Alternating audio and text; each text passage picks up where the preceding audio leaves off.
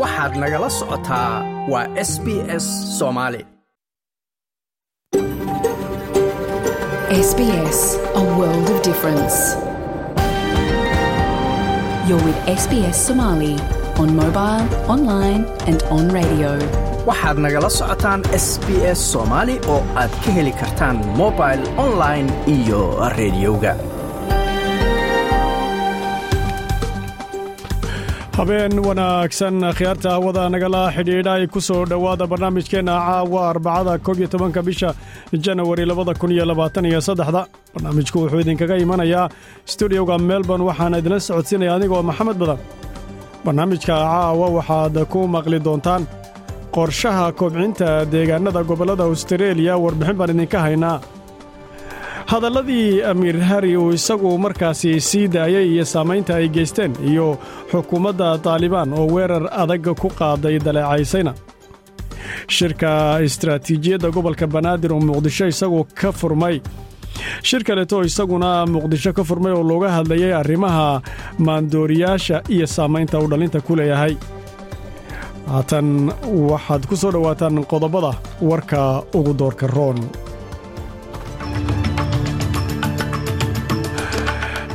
baadari george bell oo isagu ku geeriyooday magaalada fatikaanka isagoo siddeetan iyo kow jira.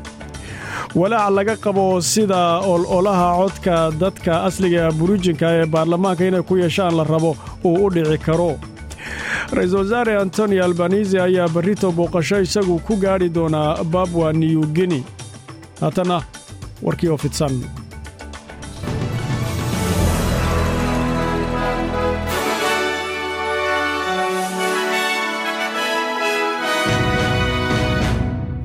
george bell oo isagu ah baadariga ka tirsan katoliga austreeliya oo isagu ah baadariga ugu weyn waddankan austreeliya ayaa ku geeriyooday magaalada fatikan xalayto isagoo siddeetan iyo kow jira. Baadari bell ayaa isagu dubdhaxaad u ahaa baaritaanadii ku saabsanaa eedeymaha xadgudubka faraxumaynta loo geystay carruurtii hoos imaanaysay maamulkiisa. Sannaddii labada kun iyo siddeed iyo tobanka waxaa lagu helay dembiyo faraxumayna oo taariikhda galay oo loo geystay carruurtii markaasi meesha uu madaxda ka ahaa mas'uuliyaddan isagu haye lagu sameeyey. Dhankiisa mar walba isagu in uu beri ka yahay ayuu baadarigu caddaynayey. Dhankiisa ra'iisul wasaare antony albanisi ayaa isagu u tacsiyeeyey katoliga isagoo markaana sheegay in ay tahay arrin murugo leh geeridaasi isagoona yidhi waa maalin adag. Albanisi ayaa waxa uu sheegay dowladdu inay gacan ka geysan doonto howlfududaynta sida meydka badarigaasi lagu soo qaadi lahaa ee gudaha waddankana loo keeni lahaa balse weli maalin lama xadidin. Albanisi oo hadlaya ayaa waxa uu isagu yidhi will come as a, a, a shock uh, to, to many and the consequences tani waxa ay ka dhignaan doontaa yaab fara badan iyo argagaxa waxa ayna ahayd qalitaan. Natiijadeeduna waxa ay noqotay mid laga xumaado in badari beel uu isagu markaasi u geeriyooday. Tacsida ayaan u gudbinayaa cid kasto maanta murugaysan ayuu yidhi ra'iisul wasaare antony albanisi ra'iisul wasaare antony albanisi ayaa isagu waxa uu booqasho ku tegi doonaa babwa new guinea berito labiyo tobanka janawari isaga oo ay ugu horeeyaan qorshaha uu wato heshiis uu la galo dhanka ciidanka ah babwa new guinea. Albanisi ayaa la kulmi doona si kafoola prime ministerka babwa new guinea james mrabe isagoo halkaasna ay labada dhinacba ka wada xaajoon doonaan iskaashi iyo heshiis dhanka difaaca oo looga hortagaya markaasi saamaynta shiinaha uu ku leeyahay. Sidoo kaleete waxa uu noqon doonaa qofkii ugu horreeyey ee ajnebiga ee baarlamaanka babwa new guinea u jeediya master albanisi weye halkaasi kelima uga jeediya baarlamaankaasi babwa new guinea. Halka warka aad kala socotaan waa laanta afka soomaaliga idaacadda s b s dhinacyada dhallinyarada u dhaqdhaqaaqa dadka buruujinka ayaa walwal ka muujiyey arrimaha iyagu saamaynta xun leh amaba cunsuriyadda ku dheehan. Iska soo tari karta dhanka codadka dadka buruujinka loo doonayo baarlamaanka inay ku yeeshaan oo isagu baryahan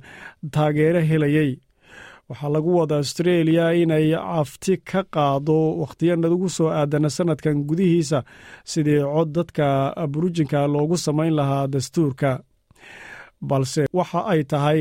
ololayaal iyaguna sidoo kaleete ka soo horjeeda saamaynta ay yeelan karaan oon la garanaynin. Halka warkaasi aad kala socotaan waa laanta afka soomaaliga idaacadda s b s. Koox siyaasiyiin oo ku sugan dalka maraykanka ayaa warqad u qoray madaxweyne jo baiden si ay u taageeraan heshiiska markaasi owkas la yidhaahdo iyaga oo soo jeedinaya in maraykanku uu awood u leeyahay inuu siiyo astreeliya maraakiibta quusa ee tamarta nukliyeerkana ku shaqeeya. Waxay jawaab u tahay warqad sira oo bishii horeetee labaatan iyo kowgii sannadiina dhaaftay loo diray master baiden oo ka socotay laba senatar oo maraykanka ah oo ka digayay heshiisku inuu culays saari doono saldhigga warshadaha ee badda hoostiisa ee maraakiibta taasoo markaana gelinaysa khatar adag sida ay sheegeen labadaas senatar sagaal wakiil oo isugu jira jamhuuriyiinta iyo dimuqraadigaba ayaa iyagu difaacay heshiiskaasi iyagoo soo jeediyey inuu mudan yahay in la bilaabo tan oo lagu adkaynayo amniga maraykanka iyo xulafadiisa ee indobasifiga waxay yidhaahdeen heshiisku wuxuu noqon karaa mawjadaha markaasi kor u kacaya ee korna u qaadaya dhinacyada iskaashiga halkaasi ka wadana ay ka wada faa'iidayaan. Ookaas waa heshiiska amniga saddex geesoodka ah ee u dhexeeya astreeliya boqortooyada ingiriiska iyo maraykanka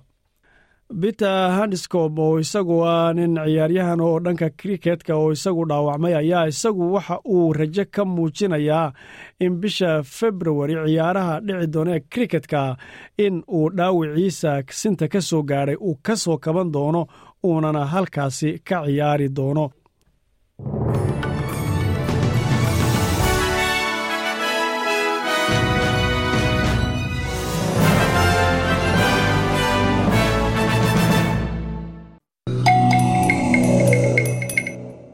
waxaana wanaagsan khiyaarta hawada nagala xidhiidhay barnaamijkana inagoo bilowgiisi haatan ku jirna. Khiyaarta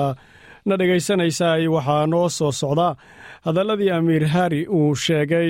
toddobaadkan aynu ku jirna ee buuqa dhaliyey oo ay taalibaan aadka u dalaacaysay ayaan warbixin idinka haynaa warbixintaasoo noo soo socota sidoo kaleete shir istaraatiijiyadda gobolka banaadir looga hadlayo ayaa la qabtay oo isagu haatan soconaya maalmo. Sidoo kaleete shir looga hortegayo maandooryaalka iyo saamaynta ay dhalinta ku leeyihiin ayaa muqdisho isaguna ka dhacay oo halkaasi mas'uuliin ay ka soo qayb galeen. Haatanse barnaamijta iyagoo inoo soo socdaan waxaad ku soo dhowaataan qorshaha kobcinta deegaanka gobollada ayaa astreeliya ay istaraatiijiyaddiisa haatan xoojinaysaa. Tan oo macnaheedu ay tahay gobollada oo haatan iyagu dadku ay ka sii yaraanayaan. Sidaa daraaddeedna laga yaabo shaqooyinkuna inay sii yaraadaan. Saamaynna ay keento iyadoo gobolladu ay ka yimaadaan wax kasta oo markaana magaalooyinku ay u baahan yihiin sida qudaarta iyo sidoo kaleete xoolaha nool oo lagu dhaqaaleeyo oo hilibkooda iyo caanahoodaba loo baahan yahay iyo nolol kaleete oo fara badan. Dowladda austreeliya oo arrintaasi diiradda saaraysa warbixin arrintaasi ku saabsan ku soo dhowaada aaninee diyaarinay. Waxaa jira baaqya isa soo taraya oo u yeedhaya in isbeddel lagu sameeyo nidaamka socdaalka astreeliya si loogu oggolaado ama fursad loogu helo in kobcin lagu sameeyo bulshooyinka astreeliya ee gobollada ku dhaqan. Waaxda arrimaha gudaha ee waddanka astreeliya ayaa haatan dib u eegis ku samaynaysa siyaasadda arrimaha hijrada amaba soo galootiga ah ee waddanka astreeliya iyadoo markaasina ay qaadanayso talooyin ay soo jeedinayaan oo qoraal ahaan iyo tala ahaan ay ku soo gudbinayaan ururada qaarkood marka la eego warbixinno soo baxayeen oo ugu dambeeyeen ayaa waxaa jira guruubyo iyagu ka codsanayay dowladda waddanka australia in ay si deg dega uga jawaabto waxyaabaha ku saabsan culaysyo aad ah oo iyagu ku soo wajahan dhanka bulshada iyo dhanka dhaqaalahaba gobollada waddanka australia. Madaxa dhaqaalaha ee macadka australia ee gobollada kim howton ayaa isagu waxa uu sharaxayaa waxyaaba wanaaga oo dhanka ku saabsan goobaha dadka gobolladu ay degan yihiin iyo arrimahooda wuxuuna yidhi There's the short term benefit around jobs, of course. We've got a record number of job vacancies across regional Australia, employers looking for workers. So taasi waxa ay leedahay wax weyn oo faa'iidooyina waxaa jira heerka gaaban ama muddada gaaban faa'iidooyina oo shaqooyinka ah dabcan. Waxaan kaloo haynaa nambara heer rikooda oo iyagu markaasi shaqooyin bannaana gobollada australia marka la eego mar walbana ay shaqaalo doonayaan. Sidaa daraaddeed qulqulka dadka ka imanaya dibadda dhab ahaantii waa muhiim balse taasi dhab ahaantii dhaqan ahaan ayay hodan ka dhigaysaa goobahaasi. Macadka ayaa waxa uu isagu soo saaray. Qoraallo uu ku tilmaamay waxyaabaha loo baahan yahay amaba heerarka la beegsanayo labada kun iyo soddon iyo labada iyo sida ay noqon doonto bulshadu. Marka waxa uu sheegay in ujeeddadu ay tahay in ay daruuri tahay gobolladu in ay xisad wanaagsan ka qaataan oo boqolkiiba labaatan ama boqolkiiba afartan dadka iyagu waddanka imaanaya ee degaanka u imanaya. Master howton waxa uu isagu xoogga saaray in qorshahaasi ay lagama maarmaan tahay inuu hubiyo in bulshada iyo qofka keli ahaantiisaba waddanka imanaya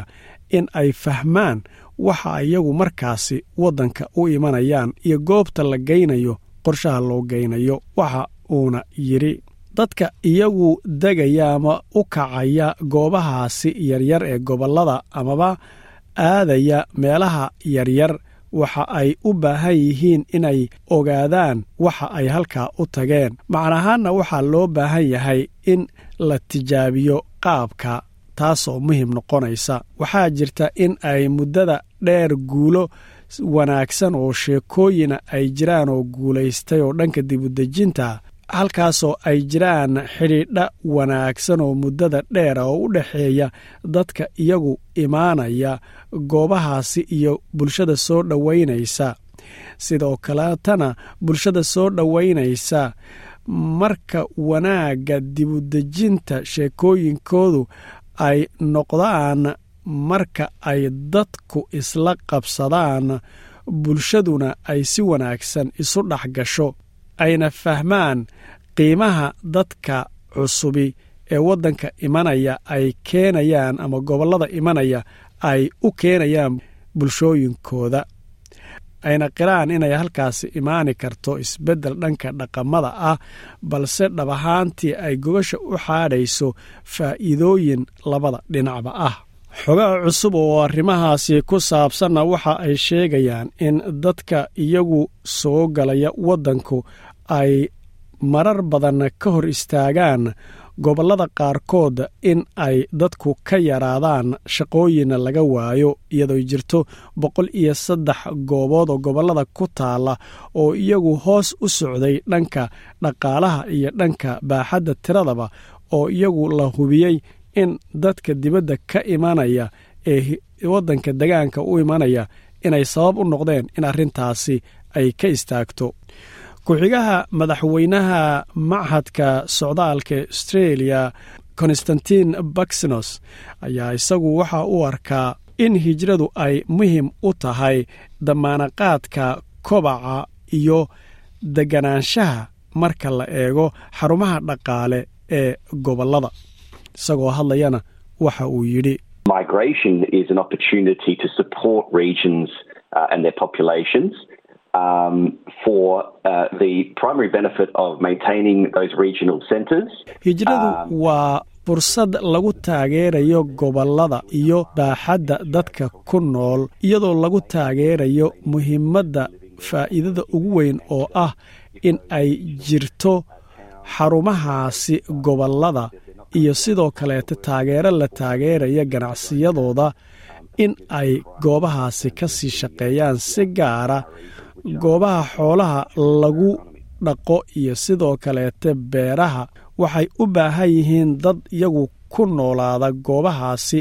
kana shaqeeya goobahaasi. Haddii goobahaasi gobollada iyo xarumahaasi ay hoos u dhacaan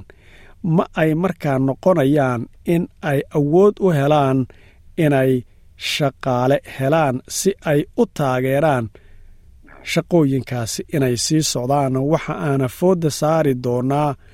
in aan wajahno dhibaatooyin aad u waaweyn marka la eego arrimaha waxa aan gelinayno gobolladeenna taasoo gobolladaasina ay muhiim weyn u yihiin dhaqaalaheenna waddan ahaan. Master baxnos ayaa isagu waxa uu leeyahay siyaasadda arrimaha socdaalka ee haatan jirtay waxa ay ka hormarin jirtay magaalooyinka waaweyn marka loo eego gobollada kobcintooda iyo taageeridooda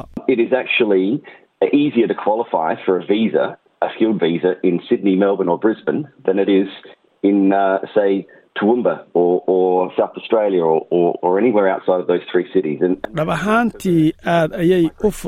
dhab ahaantii waa ay fududdahay in aad u qalanto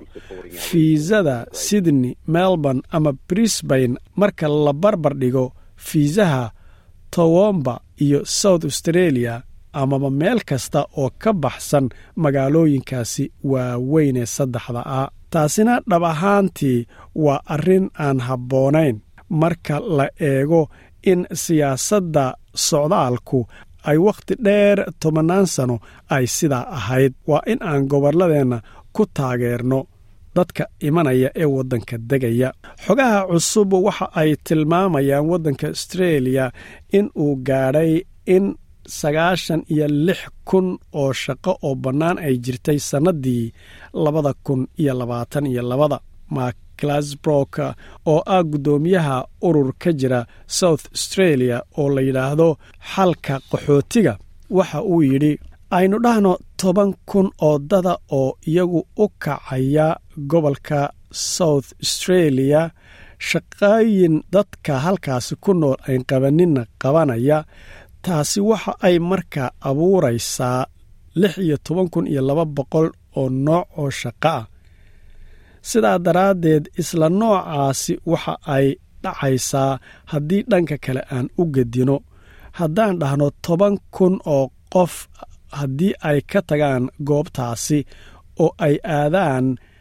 caasimadaha sababtuna ay tahay halkaasi in ay ka helayaan fursado wanaagsan markaasi waxa ay taasi la mid tahay lix iyo toban kun iyo laba boqol oo fursadood oo shaqo in ay markaasi dadka degaanka ee lookalkuhu ay halkaa ku waayayaan. Master glasbrook ayaa isagu waxa uu leeyahay ma ay jirta buu yidhi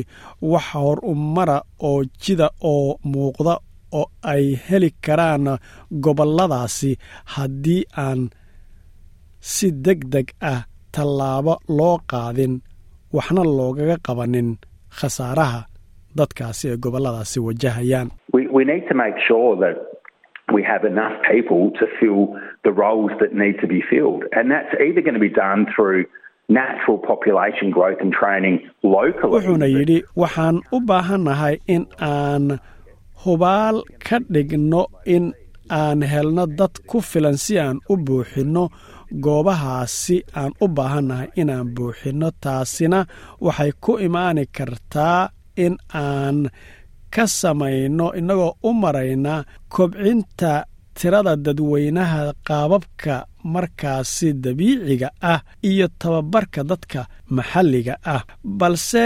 haddii aan taa gaadhi weyno kana buuxin weyno baahidaasi shaqaalaha maxalliga ah waxa ay noqon doontaa ama in aan dad keenno dibaddana ka keenno dadkaasina ay khibrado leeyihiin aan u baahannahay. Dadkaasoo iyagu noqonaya kuwa ku go'aansada inay ku noolaadaan kana shaqeeyaan sameeyaanna shaqooyinkaas aan u baahannahay. Balse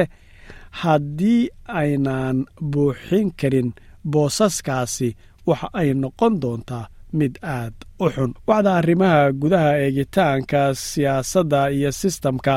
dadka soo galaya waddanka weli waa ay socotaa iyadoo in badanina ay doonayso mustaqbalka in laga jawaabo xalna loo helo dhibaatooyinka ku soo aadan bulshooyinka gobollada ku dhaqan akhyaarta hawada nagala xidhiidhay intaasna waxaa noogu dhammaaday barnaamijkeenna ahaa taageeridda iyo tayaynta degaanka gobollada oo ah siyaasad haatan ay riixayso amaba ay wadaan dhinacyo ka mida astreeliya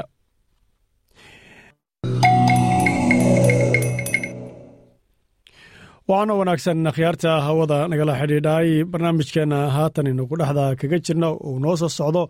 shirka istaraatiijiyadda gobolka banaadir oo magaalada muqdisho lagu qabtay halkaana uu shirka uu furay guddoomiyaha gobolka banaadir. Shirkaasi ayaa lagu eegayaa istaraatiijiyadda markaasi gobolka banaadir. Waxaa kaloo isagana muqdisho lagu qabtay shir looga hortegayo maandooriyaasha iyo saamaynta ay dhallinta ku leeyihiin iyagoo oo baryahan dambe la dareemay in dhallinyarada markaasi culaysyo dhanka maandooriyaha ay kaga timid. Haatanse waxaad ku soo dhowaataan amiir hari ayaa isagu waxa uu sheegay baryahan hadallo markaasi dareemo badan dheliyey oo siyaabo kala duwan looga kala jawaabay hadalladan ayaa iyagu waxa ay saamayn u geysteen dhinacyo kala duwan oo ay ka mid tahay dowladda afghanistan oo isagu uu sheegay in uu dad laayay afghanistan si weliba ay aad uga xanaaqeen afghanistan iyo dhinacyada qaarkood sida gaarka weliba dhinacyada xuquuqda aadamaha aadka u taageerana ay dareen ka muujiyeen sidii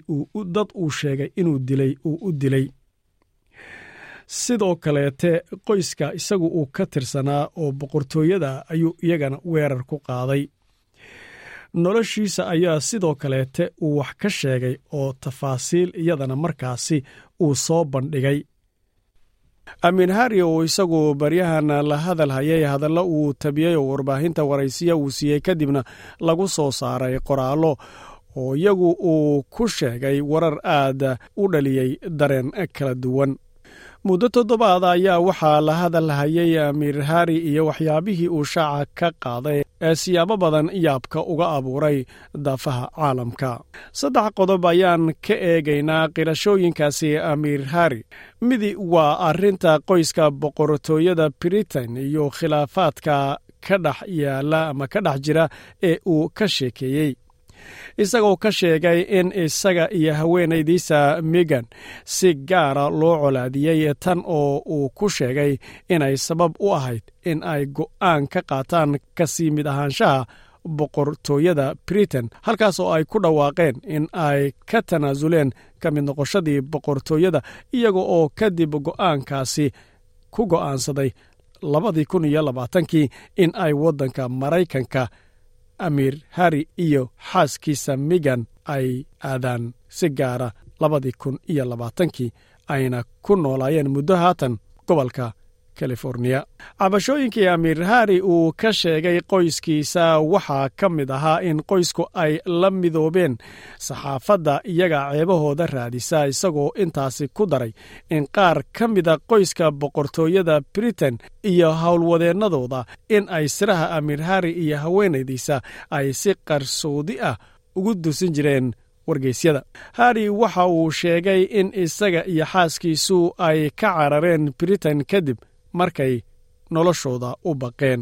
Arrinta xigta ee uu ka hadlayna waxay ahayd qayb ka mida noloshiisa iyo wakhtiyadii kala gadisnayd ee uu maray isagoo si tafaasiilana uga hadlay xitaa inuu gaadhay wakhtiyo uu adeegsan jiray maandooriyaasha midda saddexaad ayaa ahayd qirashadii uu qirtay in uu dilay shan iyo labaatan qof oo afghanistaan u dhashay isagoo adeegsanayay diyaaradda dagaalka ee uu waday markaasi ee helikobtarka ahayd loona yaqaano abadshiga arrintan oo siyaabo kala duwan dareen badan u kicisay ayaa waxaa si kulul uga jawaabay xukuumadda afghanistan ee ay hogaamiso dhaqdhaqaaqii taalibaan oo wakhtiga uu amiir hari dilkaasi gaysanayo ahayd dhinaca dagaalka kula jirtay maraykanka iyo xulafadooda. Kaaliyaha sare ee wasiirka arrimaha gudaha ee xukuumadda taalibaan anas xaqani ayaa qoraal uu soo dhigay bartiisa twitterka ku eedeeyey amiir hari in uu galay dembiyo dagaal waxa uuna yidhi Mr. Harry, the ones you killed were not chess pieces. They were humans. They had families who were waiting for their return. Among the killers of Afghans, not many have your decency to reveal their conscience and confess to their war crimes. The truth is what you've said. Our innocent people were chess pieces to your soldiers, military, mudan and hari political dadka leaders. aadisay ma aynan ahayn dhagxaanta shaxda waxa ay ahaayeen bani aadan.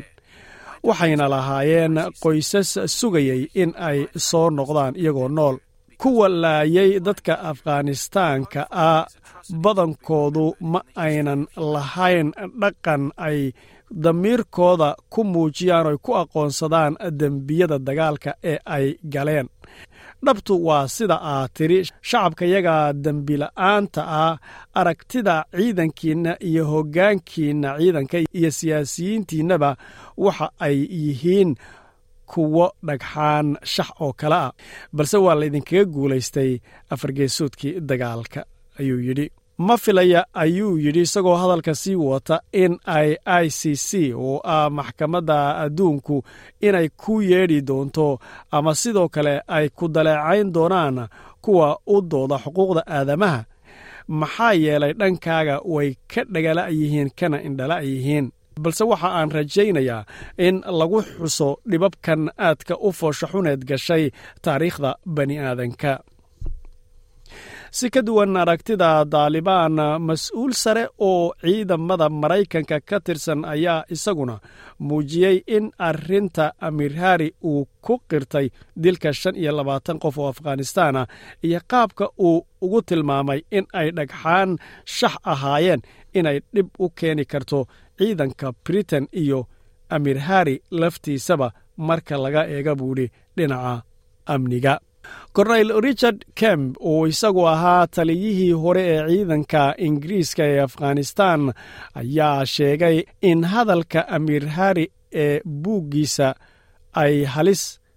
hadalka amiir hari ee buuggiisa ay halis gelin karaan ciidamada ingiriiska isagoo hadlayana wuxuu yidhi those people who want to kill British soldiers or former soldiers, they know that the British Kuwa Army iyagu killed many more than doonaya 20. in ay dilaan ciidamada ingiriiska ama ciidamadii horeete waxa ay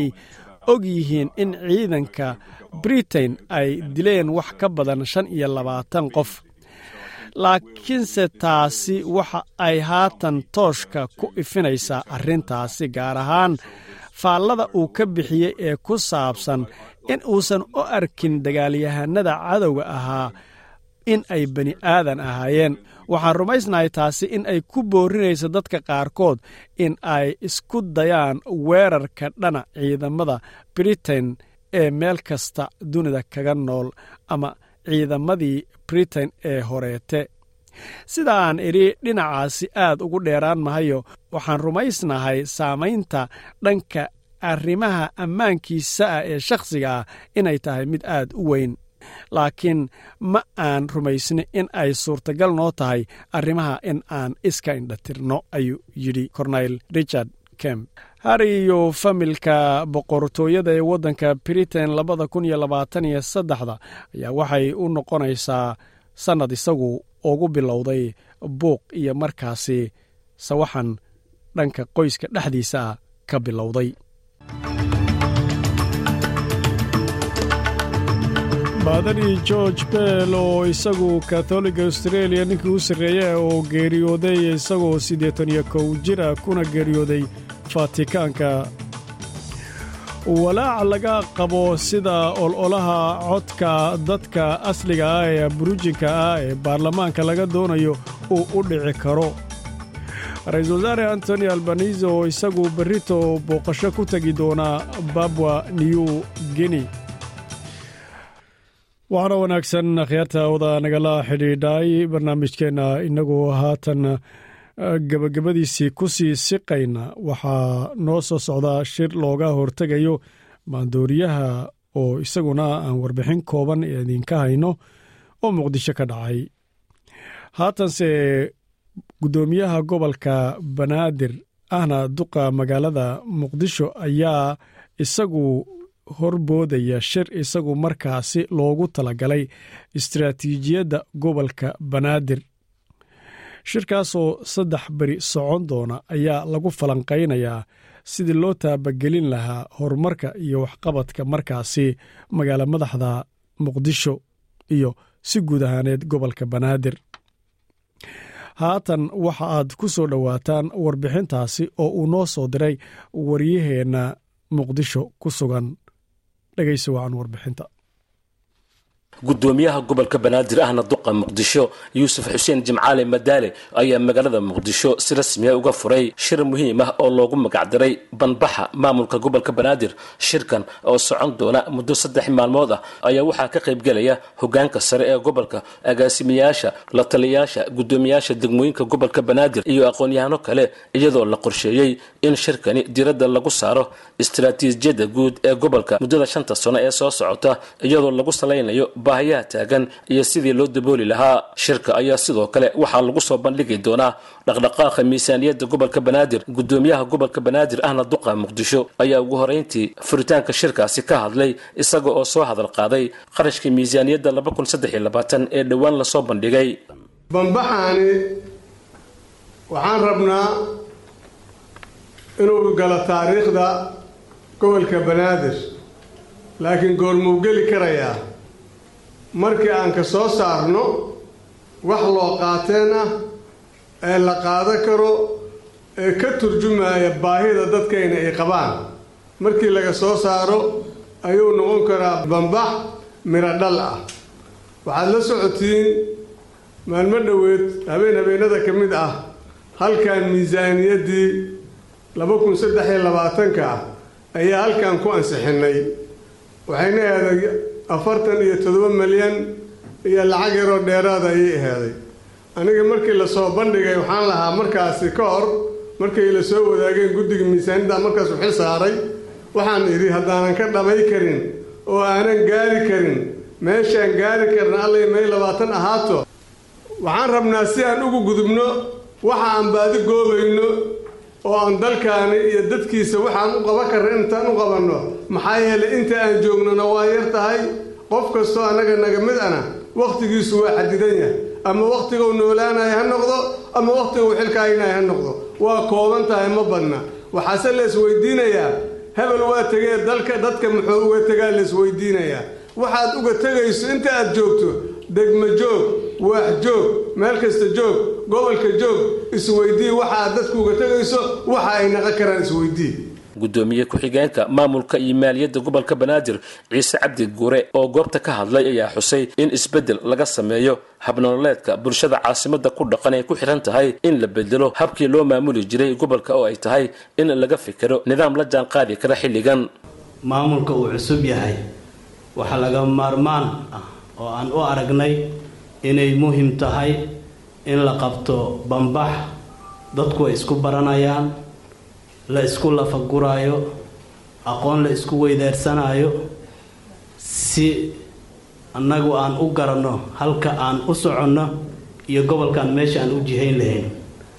Dib aan ugu laabanno istraakjarkii aan dib u saxno amba aan istraakjarkaasi ku fadhiisino shaqa tilmaame cad oo la rabo qof walba oo gobolka banaadir ka shaqeeyo heer degmo iyo heer agaasinba in qof walba shaqadiisa uu og yahay. Waxaa barbar socda ayadana oo lagu soo bandhigi doonaa halkan qolfooftii istraatiijiyada iyo qorshahooleedkii labada kun iyo labaatan iyo saddexda oo ay la socoto miisaaniyaddii oo aan aaminsannahay in ay saldhig u noqon doonto daadejinta adeega aan u hayno bulshada soomaaliyeed ee ku dhaqan gobolka banaadir. Waxaan aaminsannahay ujeedooyinka ugu muhiimsan in halkaani la ysku dhaafsan doono fikrado laguna falaqayn doono howlaha hortabinta u leh labada kun iyo labaatan iyo saddexda gobolka banaadir oo la doonayo adinka inaad ku darsataan fikradihiina isdhaafsataan meeshaasna ay ka soo baxdo natiijo qurux badan iyo documentation amba documenti dhanka siyaasadda iyo qorsheynta iyo jihaynta gobolka banaadir qaybihiisa kala duwan oo idil si kastaba shirweynahan oo qabashadiisii afartii bilood ee ugu dambeysay uu ku howlanaa maamulka gobolka banaadir ayaa noqon doona mid ahmiyad gaara u leh horumarinta caasimadda fulinta adeegyada bulshada hogaaminta siyaasadda cad ee gobolka iyo isla xisaabtan ku aadan gudashada waajibaadka shaqo ee gobolka. Akhyaarta hawada nagala xidhiidhay intaasna waxaa noogu dhan istaraatiijiyadda gobolka banaadir oo markaasina shir loo qabtay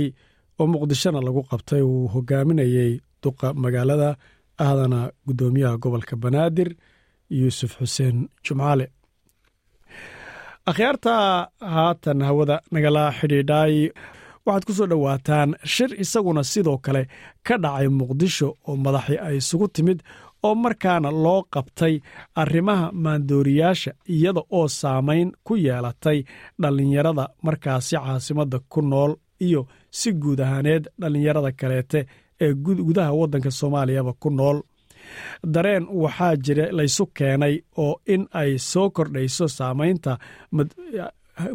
maandooriyaashaasi iyaga oo sidoo kalena laga hadlay sidii loo xakamayn lahaa meelaha ay ka yimaadaan ee waddanka ka soo galaanna looga hortegi lahaa. Haatan warbixintaasoo kooban waxaa noo soo diray waryaheenna zaciimka. Waxaa muqdisho lagu soo gebagabeeyey shirweynaha maandooriyaha iyo saamaynta uu ku leeyahay dhallinyarada iyadoo shirweynahan oo ay soo agaasimeen xarunta horumarinta iyo hogaaminta ee loogu magacdiray dhaxal reeb lagu gorfeeyey intii uu socday maandooriyaha iyo dhibaatada uu ku hayo dhalinta soomaaliyeed shirweynahan oo muddo laba cishaha socday ayaa waxaa gebagabadii ka qaybgalay madax ka tirsan labada aqal ee baarlamaanka federaalk soomaaliya. Dhakhaatiir caan ka ah magaalada muqdisho waalidiin iyo marti sharaf kale oo lagu casuumay waxaana halkaasi lagu qabtay dood ku aadan sida ugu muhiimsan ee looga hortegi karo waxyaabaha maanka dooriya ee dalka yimaada iyo siday ku soo gaaraan magaalada muqdisho. Meelay keenay iyo siday ku keenaanba waxay ay soo shaqaystaan ay ku cunaan marka taas waxay la tahay dhaxalreeb oo kale iyo hay'adaha noocaasa wacyigelinta annagana waa saboodgaraynaynaa aase dowlad ahaan. Laakiin ayaga aan ku habboonaan is leeyahay maxaa wax dowladda hadda budget ay ugu bixiso qaad qolo loogu iibi ma jirto. Waa ku jirnaa oo wax annagu kamaanaan bixin. Wax badanna waa ka qabnay. Haddaa xasuusataan isgoysyadan sanca fagax tarabuunka saybiyaano meelo badan oo jiingada ahaa oo lagu iibin jiray waa burburin waxay ku jirana sharciga aan geyni dadkii aan ku qabanina sharcigaan geyni dhakhaatiirta balse hadda loo isticmaalo howshay ka mid tahay sida maxaato morfiinka sida tramadoolka sida betidiinka waxaasoo dhan waa daawooyin si gaar ah oo loo isticmaalo lagu kaydiyo cisbitaalka marka la dhiibaayana lagu dhiibo amar ugu dambayntii cabdi xaashi cabdilaahi guddoomiyaha aqalka sare ee baarlamaanka soomaaliya ayaa gebagabadii shirkaasi ka hadlay. Dhaxalreeb kaalinta ay qaadatay cid qiimayn kartaa oo qiyaasi kartaa ma jirto. Waxay qaadatay kaalin qof bini aadmi ah oo wax garanaya oo jecel dadkiisa iyo dalkiisa arrin uu qaban karo weeye innagana soomaali haddaynu nahay inaguma badnayntaasi hormood bay inoogu noqotay waxaanan ku rajo weynahay kuwo fara badani inay ku daydaan iyada ooy gacanna ka geystaan wax cusubna ay sameeyaan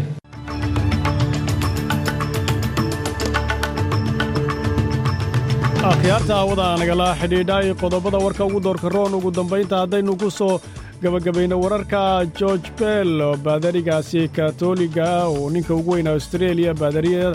oo isagu ku geeriyooday fatikaanka siddeetan iyo kow jir isagoo ah baadarigan ayaa isagu ahaa muddo la soo dhaafay. Baadhitaanno fara badan nin ay ku socdeen oo isagu markaana eedeymo loo soo gudbiyey dhanka faraxumaynta oo masuulu ka ah meeluu mas'uul ka ahaa aan waxba ka qabanin. Dhankiisa ra'iisul wasaaraha ayaa isagu ka tacsiyeeyey geeridaasi sheegana inuu dowladdu ay ka qayb qaadan doonto sidii meydka baadariga loogu soo celin lahaa gudaha waddanka austraeliya sidoo kaleete walaac ayaa laga qabaa sida ololaha codka dadka asliga amaba dadka burijinka ee baarlamaanka laga rabo sida uu u dhici karo. Ra'isul wasaare antony albanisi ayaa isagu booqasho ku tegi doonaa barito babwa new guinea halkaas oo ajendaha waxyaabaha ugu horreeya uu la tegi doono ay tahay heshiis dhanka ciidanka ah oo babwa new guinea markaasi australia ay la gasho iyadoo taana lagaga hortegayo khataraha markaasi arrimaha shiinaha oo isagu halkaasina heshiisyo ka wada basifiga jasiiradaha dhaca.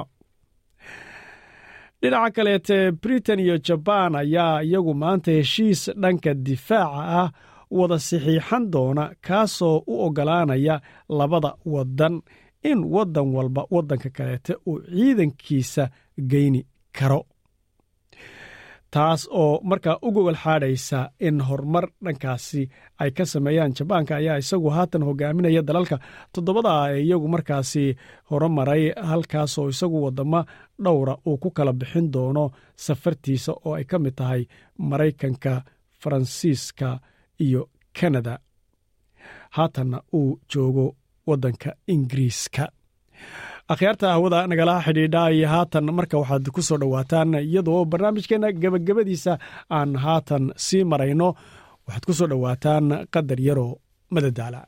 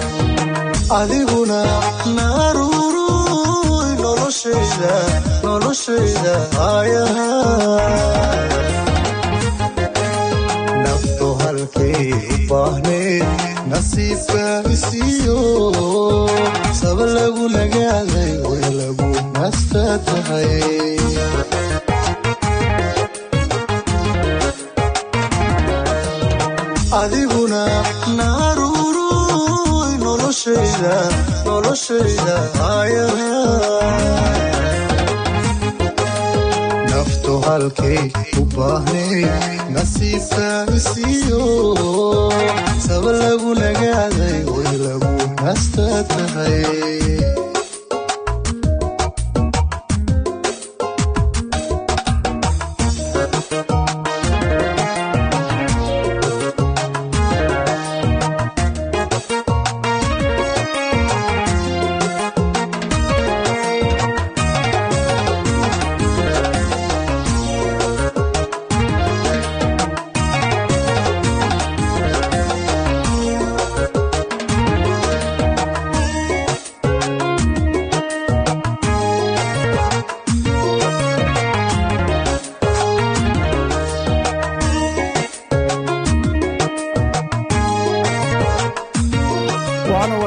akhyaarta hawada nagala xidhiidhay barnaamijkeena muddo hal saaca inagoo hawada ka wada soconnay ayaan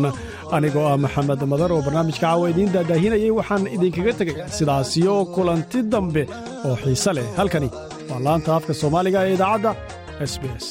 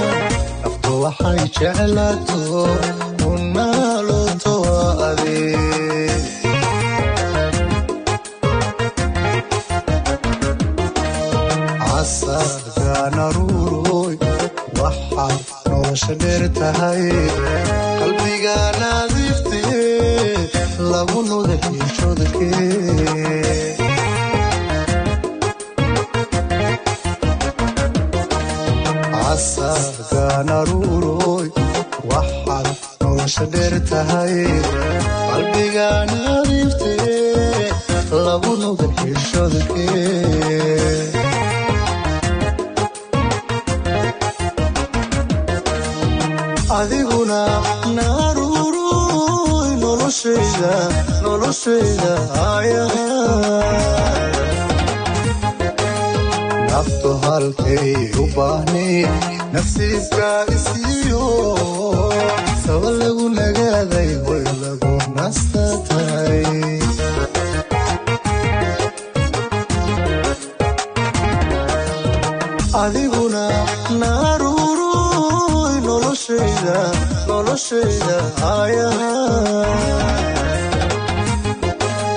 naftu halkay